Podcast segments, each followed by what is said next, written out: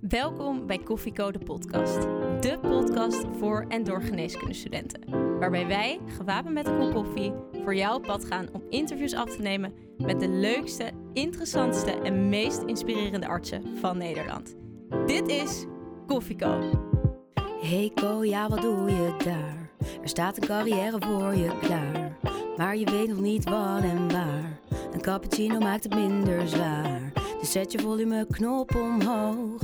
Want je luistert Koffieko en je weet het zo. Papa, papa, para, para. Ja, lieve luisteraars, welkom bij Koffieko, de podcast, de special.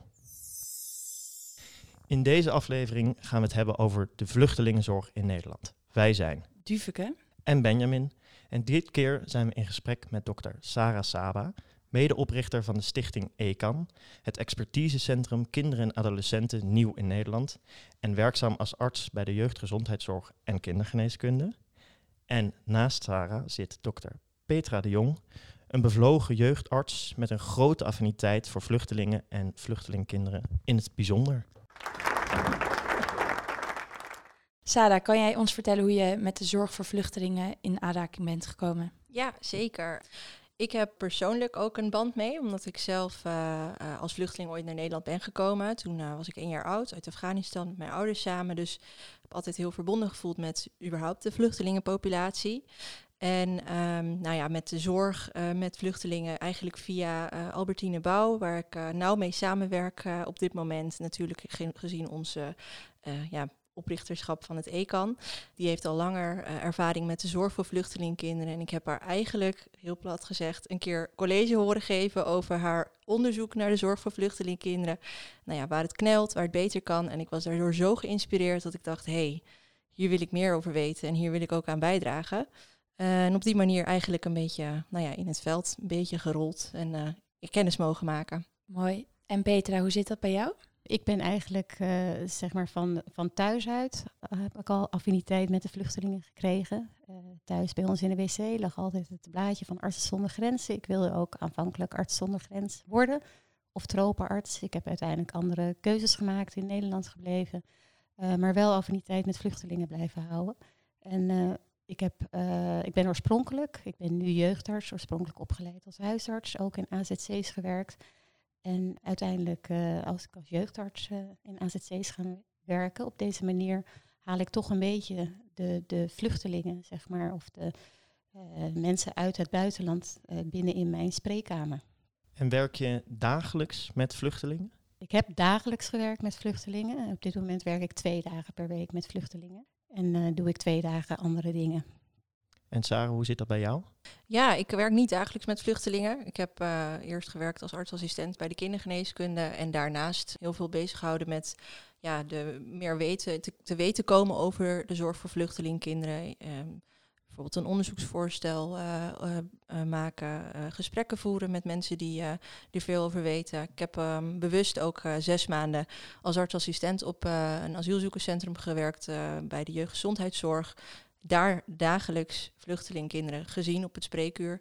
Onwijs uh, leerzaam. Iedereen aan te raden die hier uh, affiniteit mee heeft. En um, ja, nu heb ik, eh, ja, doe ik dat even niet meer. Maar uh, ik heb het ook wel van het vak mogen proeven, om het zo te zeggen. Mogen we nog wel vluchteling zeggen of moeten we nieuwkomer zeggen?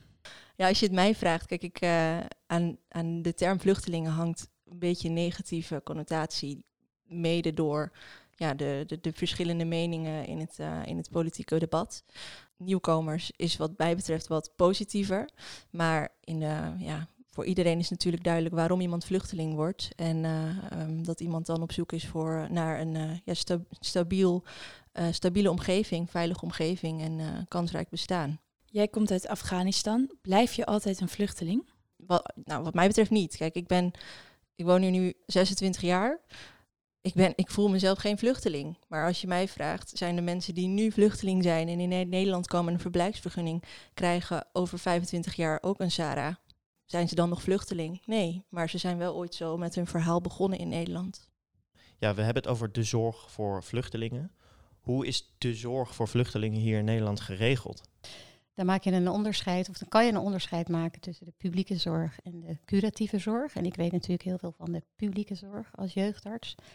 En de kinderen uh, die in Nederland binnenkomen, daarvan hebben we gezegd, die moeten binnen zes weken in beeld komen. Dus wij hebben als jeugdgezondheidszorg, en dat doe ik niet alleen, hè, ik werk in een team, jeugdarts samen met een verpleegkundig specialist of een jeugdverpleegkundige en een assistente, um, hebben wij de taak om deze kinderen binnen zes weken in beeld te hebben. En dat doen we door middel van een verpleegkundige intake, waarin we nou ja, alles willen weten van een kind. Uh, waar is die geboren? Hoe is zijn vluchtgeschiedenis? Wat is zijn voorgeschiedenis qua gezondheid? Hoe is zijn ontwikkeling? Nou, uh, hoe gaat het met het gezin? En dat wordt gevolgd door een medisch onderzoek. Uh, we doen ook gehooronderzoek, oog, zeg maar de visestest, de groei, lichamelijk onderzoek. En op die manier willen we ja, het hele kind en het hele gezin eigenlijk in beeld hebben. Dat is anders dan de medische intake van het GZA, van gezondheidszorg asielzoekers. Dus jullie brengen ze in beeld. Worden ze ook meteen aan een arts toegewezen? Ja, je, wordt aan een, je, hebt een, je hebt een team.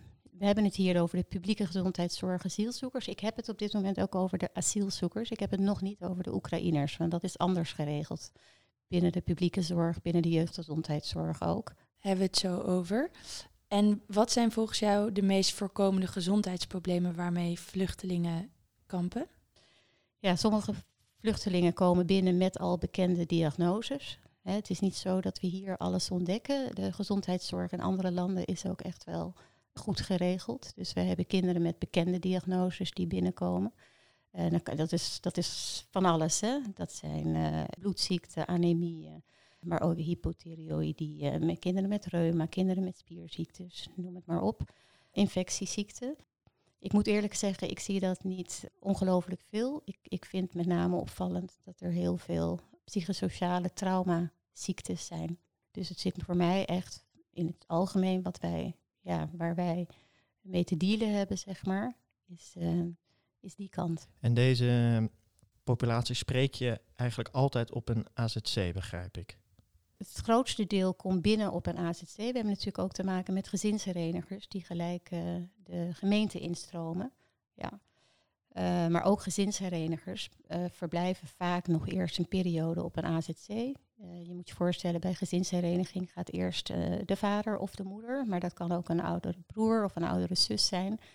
En die is hier eerst een periode en dat duurt nogal even voordat je echt je, je gezin mag laten komen. Uh, dan heb je nog niet een heel huis klaarstaan. Dus ook gezinsherenigers verblijven in het algemeen een periode in een AZC. Maar goed, soms kunnen ze ook gelijk de gemeente instromen. Dus dan ben je gelijk naar binnenkomst in Nederland. Uh, verblijf je niet in een AZC. En dan stroom je dus meteen in in een reguliere, in het reguliere zorgsysteem zoals wij die denk ik allemaal kennen. Ja, want dat is, was mijn volgende vraag. Want ze komen inderdaad dan binnen. En hoe dan verder? Worden ze dan opgenomen in het Nederlandse systeem? Hoe gaat het verder vanuit die eerste intake? Ja, kijk, eh, om nog aan te vullen voor de curatieve zorg, want eh, Petra beschrijft heel goed de publieke gezondheidszorg, maar de, op elk asielzoekerscentrum is ook een huisartsenpraktijk. Die noemde je al even, Petra. De gezondheidszorg asielzoekers, daar, zijn, er zitten de huisartsen, praktijkondersteunend verpleegkundigen, doktersassistenten, die daar eerste lijn zorg bieden. En natuurlijk is de tweede lijn zorg gewoon voor iedereen in principe toegankelijk in Nederland. Dus wat dat betreft heb je wel een soort uh, uh, systeem lijkend op de reguliere gezondheidszorg in Nederland. En is die tweede lijnszorg natuurlijk uh, ja, voor iedereen gelijk. Is gelijk. Ja. ja, dus eigenlijk moet je dat zien als een soort wijkgedeelte met hun eigen huisarts die daar gekoppeld is. Zo moet ik dat zien. Het is eigenlijk een klein dorp. Ja. En die huisarts kan dan ook, mocht dat nodig zijn, eh, de vluchtelingen verwijzen. Dat werkt precies hetzelfde. De huisartsen in dienst bij gezondheidszorg asielzoekers zijn ook vaak huisartsen gewoon uit de omgeving. En die doen één, misschien twee dagen of dagdelen praktijk daar. Dus dat zijn reguliere huisartsen. Dat zijn niet speciale huisartsen van gezondheidszorg asielzoekers. We hebben nu natuurlijk te maken wel met een, een andere situatie. Uh, met een enorme instroom. En dat, dat, dat brengt met zich mee dat ook uh, andere artsen zeg maar, zich gaan bemoeien met de curatieve zorg. Of ja, die moeten worden ingevlogen. Om, om dan toch maar heel even dat onderscheid te maken of, of te begrijpen.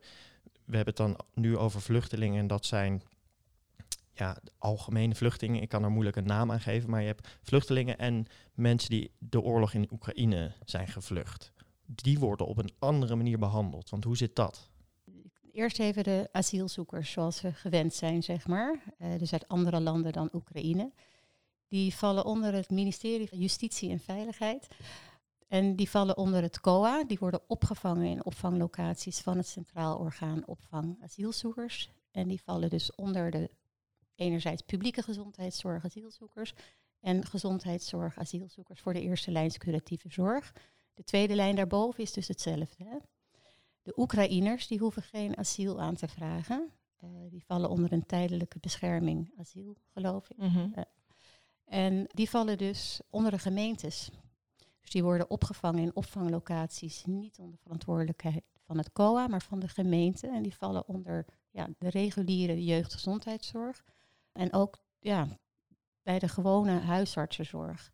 Dus elke huisarts die zou een Oekraïner kunnen zien, maar veel GGD'en hebben dat ook geregeld met andere ja, huisartsen dan Ja. weer. Ja, ja, en dus- wat vinden jullie dan van het feit dat er nu soms wat ophef is over dat Oekraïners toch wat gemakkelijker in ons systeem terechtkomen dan de oorspronkelijke asielzoekers?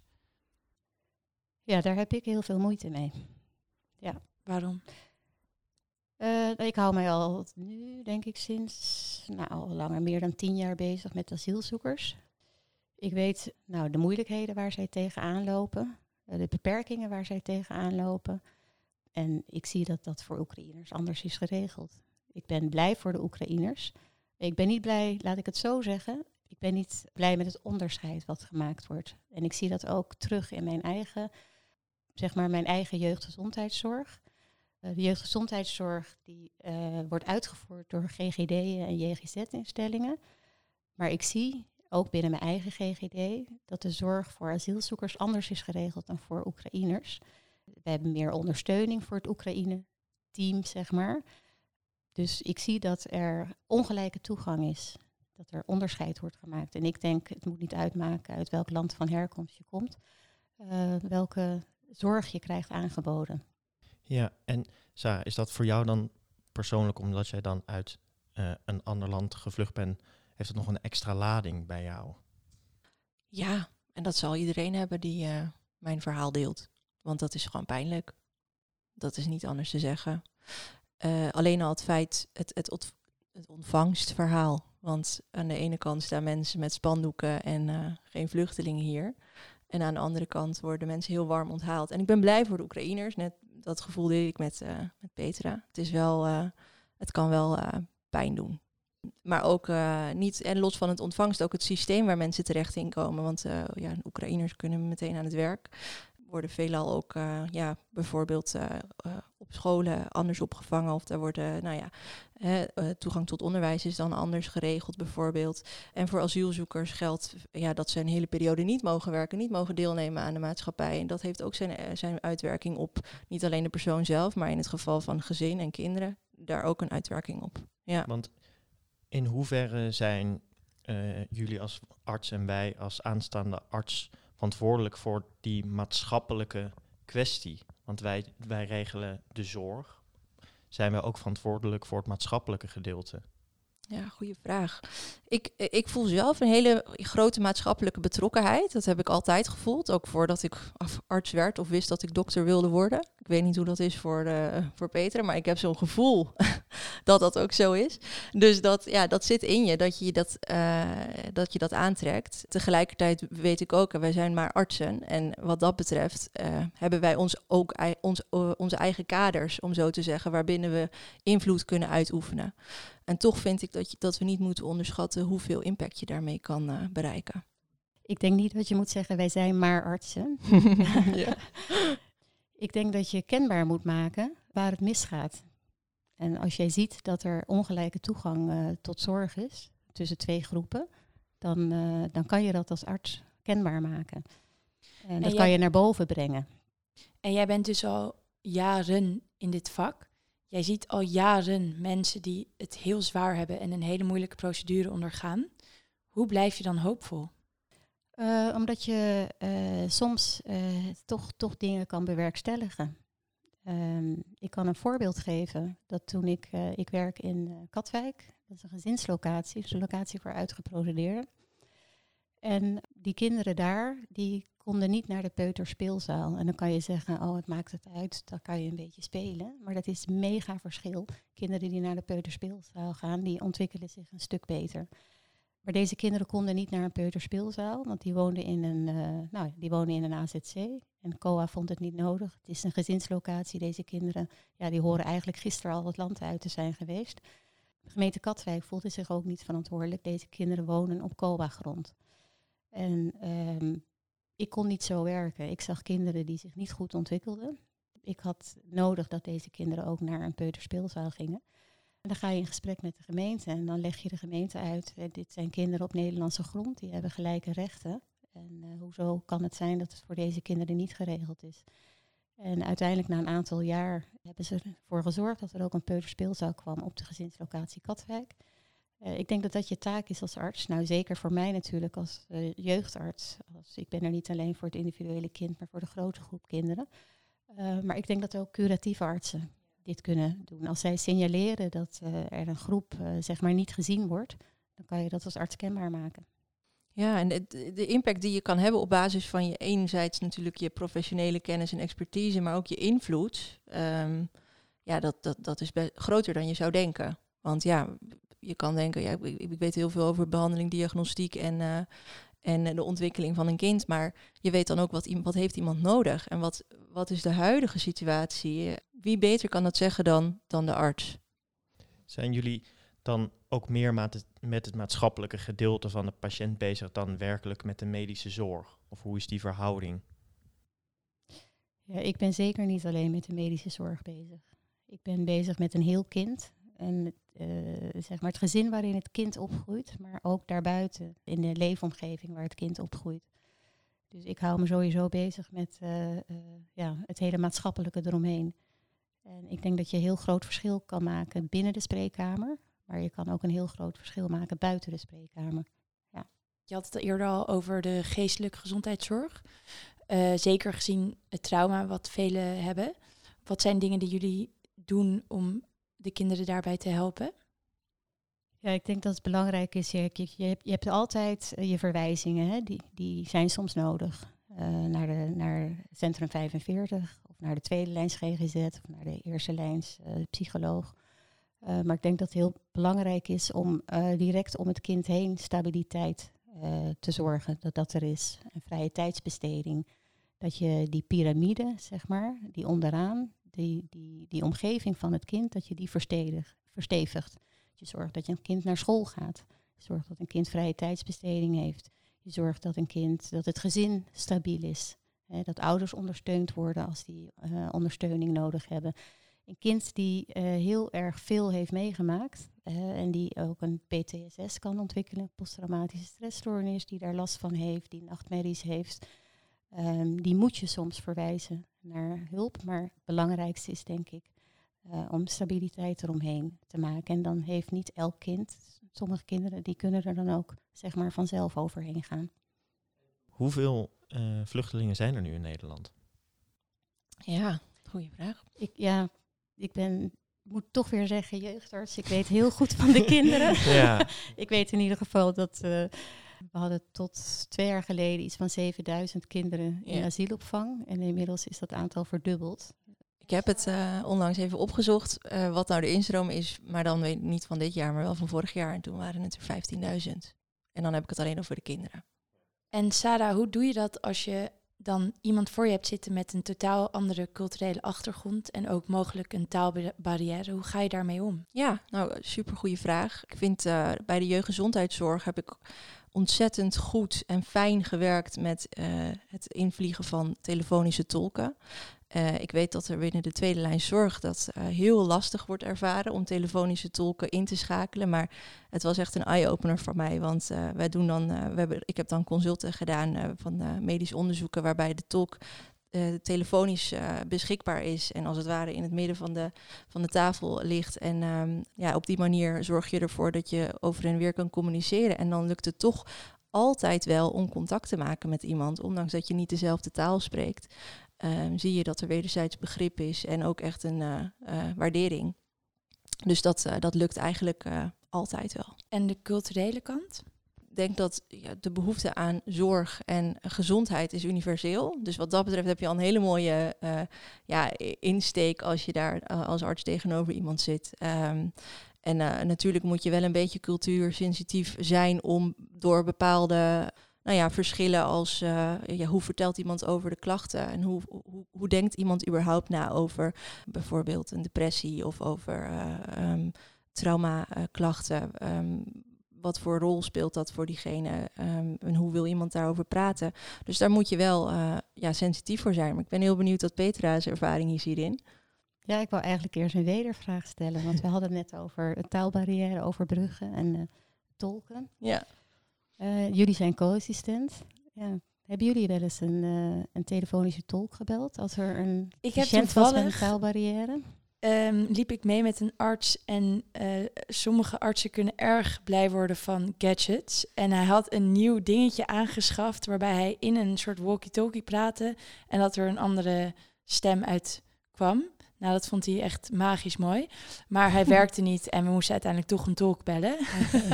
Ja. En toen moesten we erg lang wachten. En dat Ja. is toen uiteindelijk wel gelukt, maar daar moesten we inderdaad wel lang op wachten. Ik heb één keer gebruikt op de spoedeisende hulp. Ja, dat is het. Denk je dat het vaker nodig was geweest? Het is, je komt ver met gebaren, maar je mist ook veel met gebaren. Wa- Want gebruiken jullie het op een dagelijkse basis in de spreekkamer? Ja, ik moet wel. Ik spreek geen eh, Arabisch, ik spreek geen Farsi, ik spreek geen Dari, ik spreek geen Tigrinya. Nee, ik gebruik dit dagelijks. Voor mij is het dus heel makkelijk. Hè? Ik begrijp, ik wil daar straks wel wat meer over vertellen, maar ik begrijp heel goed een barrière om een taalbarrière te overbruggen, zeg maar. Ehm, om een telefonische tolk te bellen. Voor mij is het gemeengoed. Ja, ik kan niet anders. Ik kan heel af en toe Engels praten. En sommigen zijn al langer in Nederland, die praten misschien een beetje Nederlands. Uh, maar ik bel uh, ja, iedere dag een paar keer een telefonische tolk. Um, en ik denk dat we dat ook meer moeten gaan doen. En ik denk ook dat we dat meer gaan doen.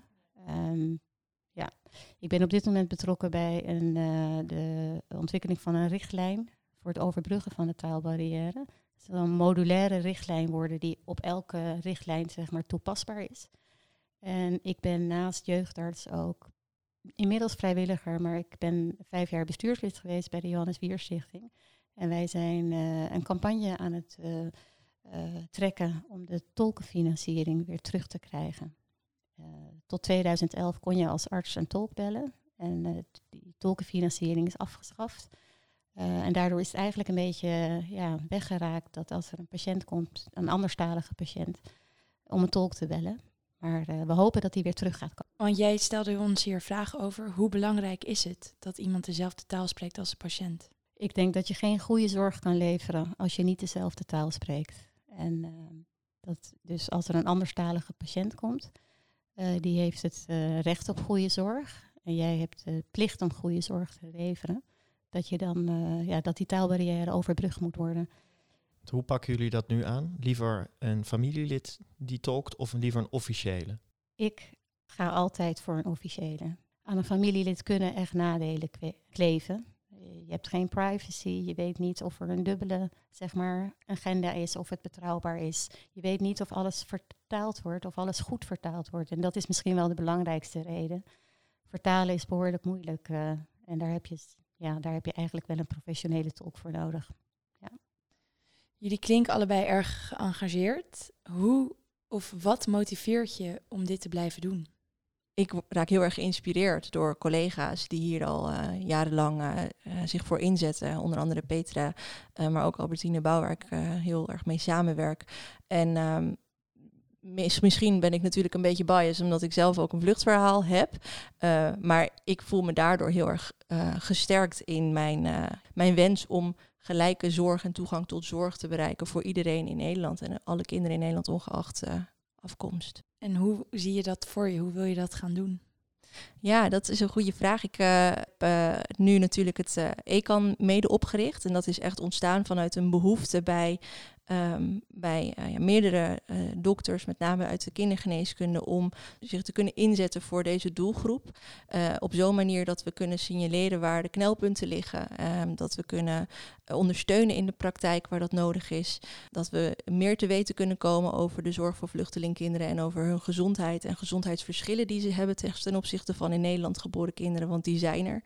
En ook om vanuit een soort netwerk en, en in samenwerking met elkaar te werken. In samenwerking met de jeugdartsen, met de huisartsen, die zich allemaal stuk voor stuk ontzettend inzetten voor, voor deze uh, doel, kwetsbare doelgroep.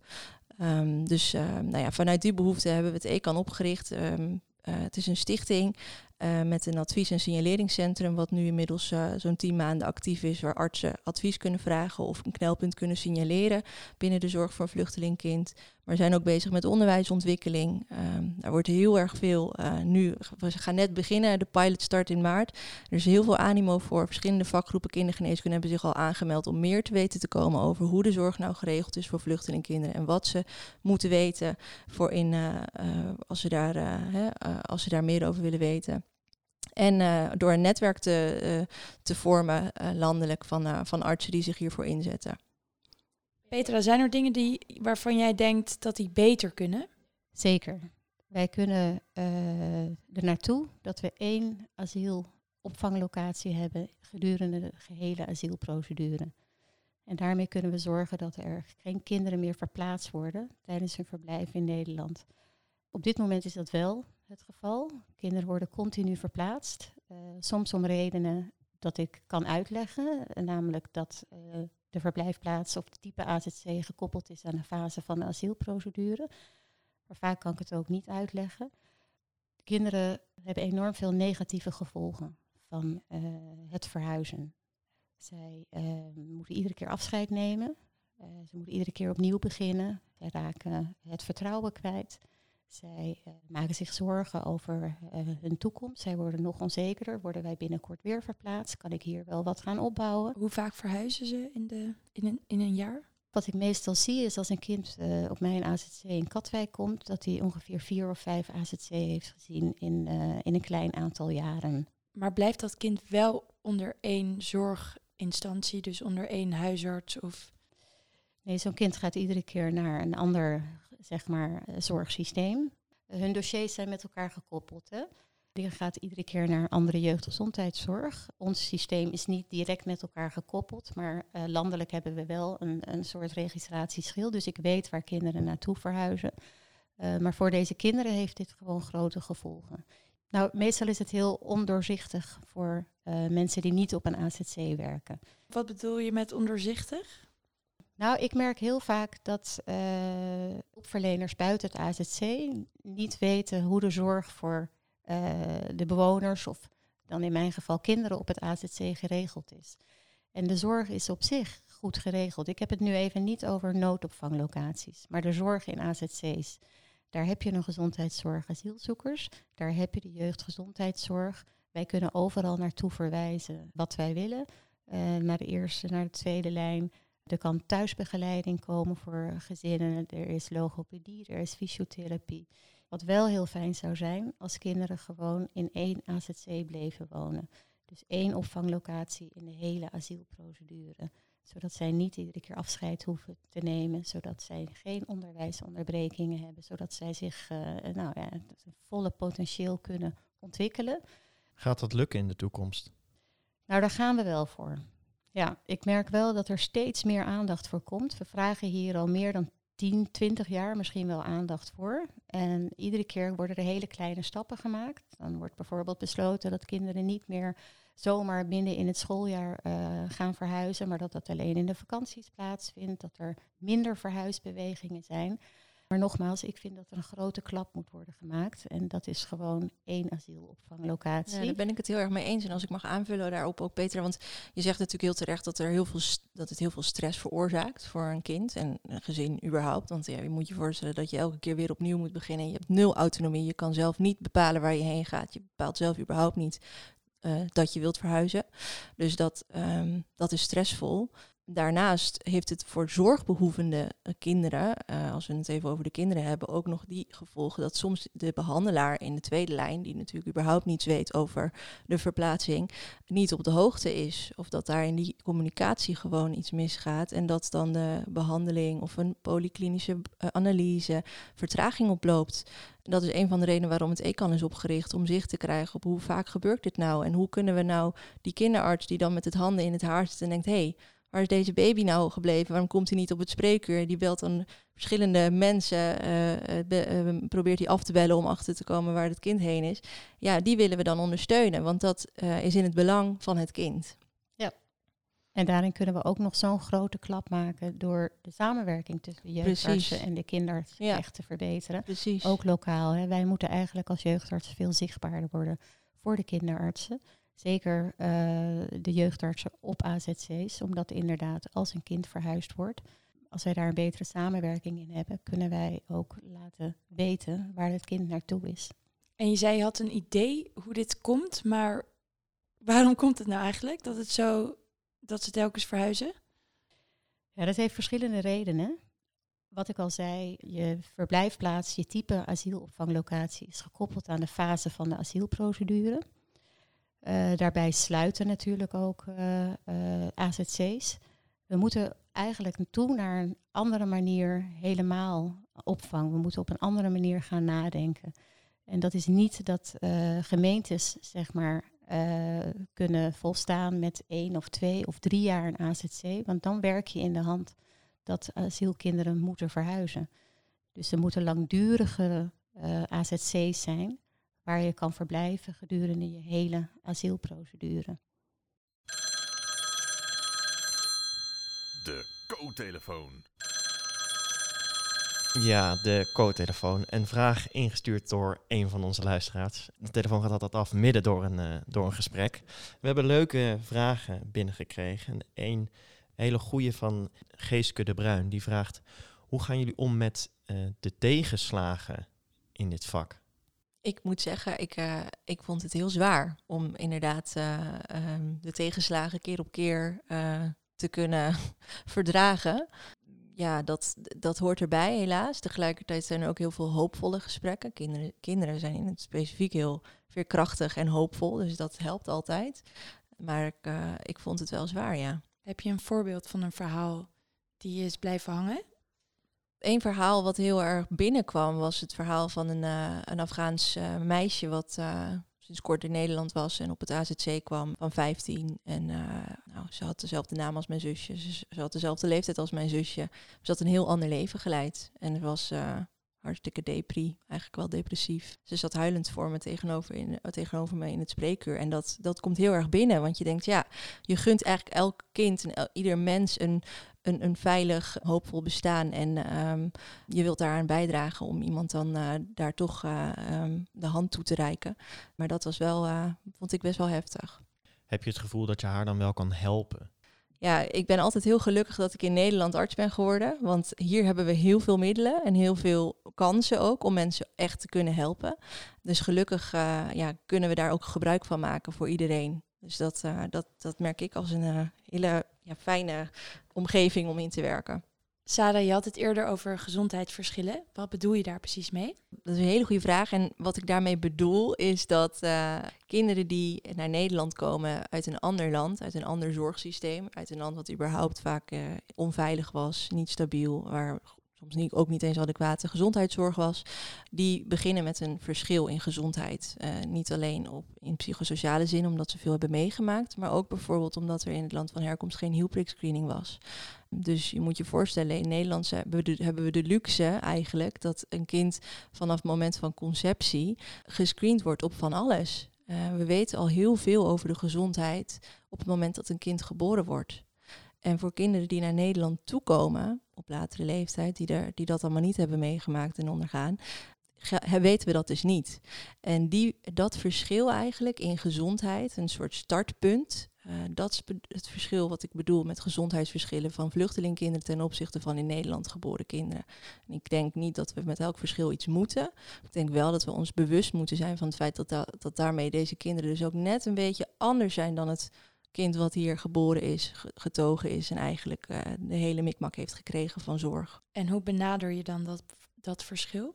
Ja, we hebben daar heel wat ideeën over bij het ECAN. We willen graag dat uh, uiteindelijk zorgen met elkaar, dat uh, bijvoorbeeld bij de kinderarts ook meer bewustzijn is over bijvoorbeeld bij een kind wat uit uh, Afghanistan is gekomen, moet je eerder denken aan een, een metabole ziekte die in Nederland weggevangen zou zijn in de hielprik screening. Er is ook een hele. Uh, ja, nu een hele mooie leidraad voor. Ja, er is een hele mooie ja. leidraad over gepubliceerd. dat wilde ik net zeggen. Albertine Bouw heeft daar heel veel uren werk in gestoken.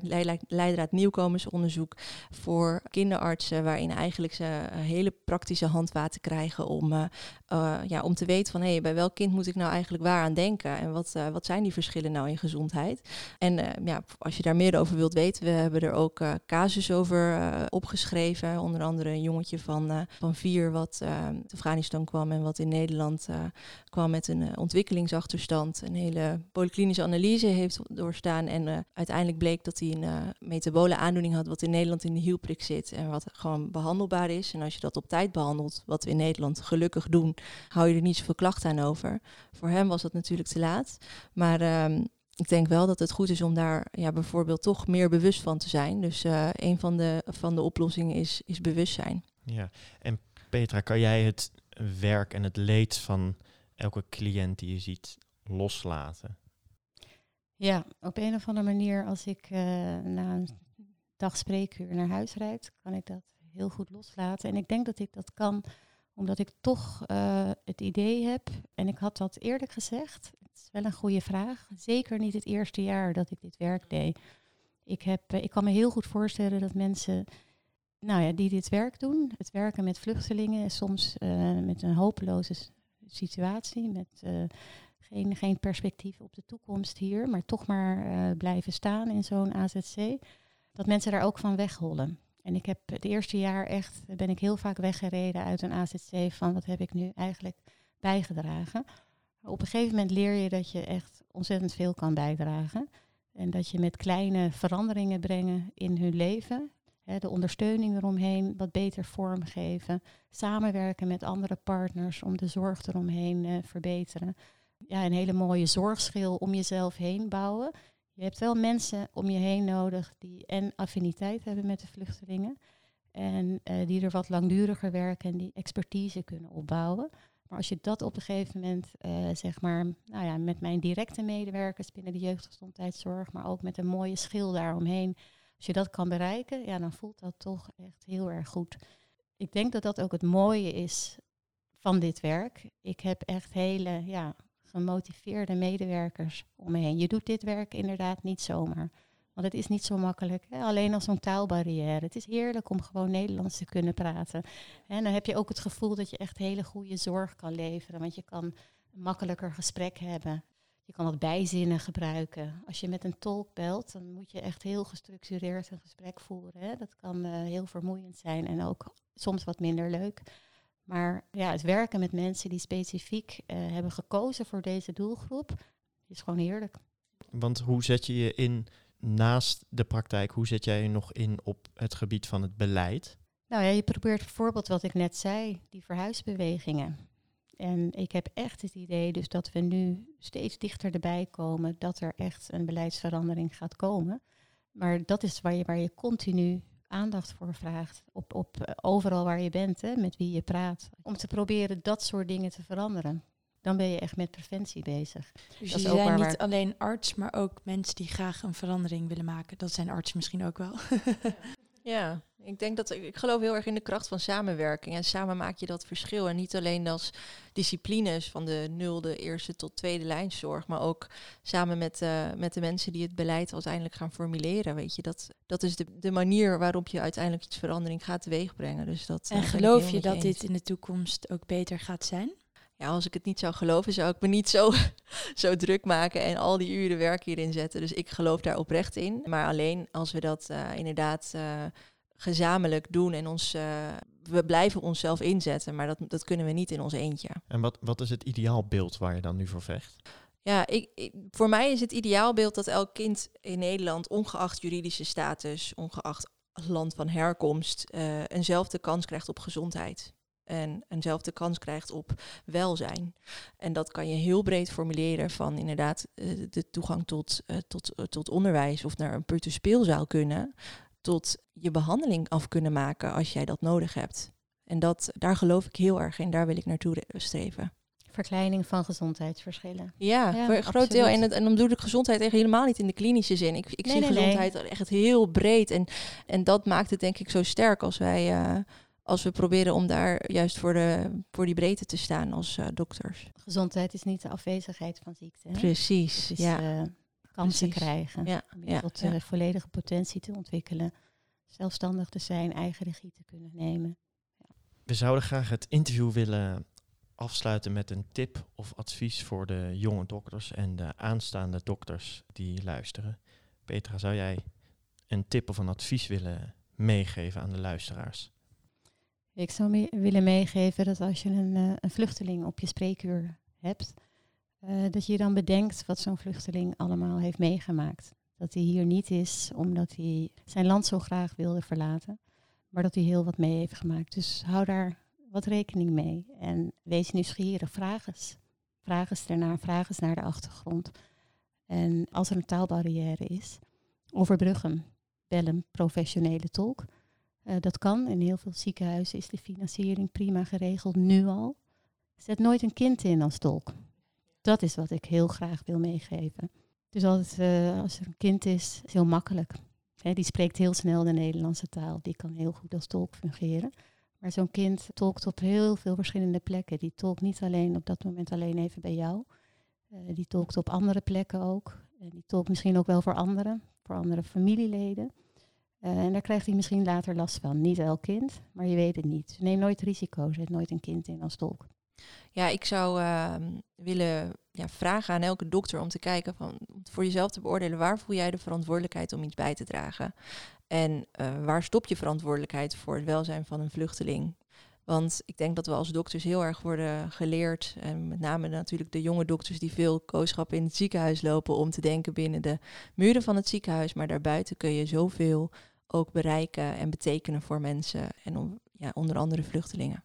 Mooi, heel mooi om te zien hoe erg jullie allebei hard maken voor dit onderwerp en eh, met hoeveel passie jullie hierover spreken. Dankjewel dat jullie vanavond hier wilden zijn. Dankjewel. Dank jullie wel voor de uitnodiging. Superleuk. Beste luisteraars, ook jullie weer bedankt voor het luisteren. Vergeet ons niet te volgen op Instagram, LinkedIn, Spotify. En luister volgende keer weer naar Koffieko, de podcast. En koop de nieuwste MDL Companion Pocket met de code Koffieko10 met hoofdletter K en hoofdletter C. Tot de volgende keer.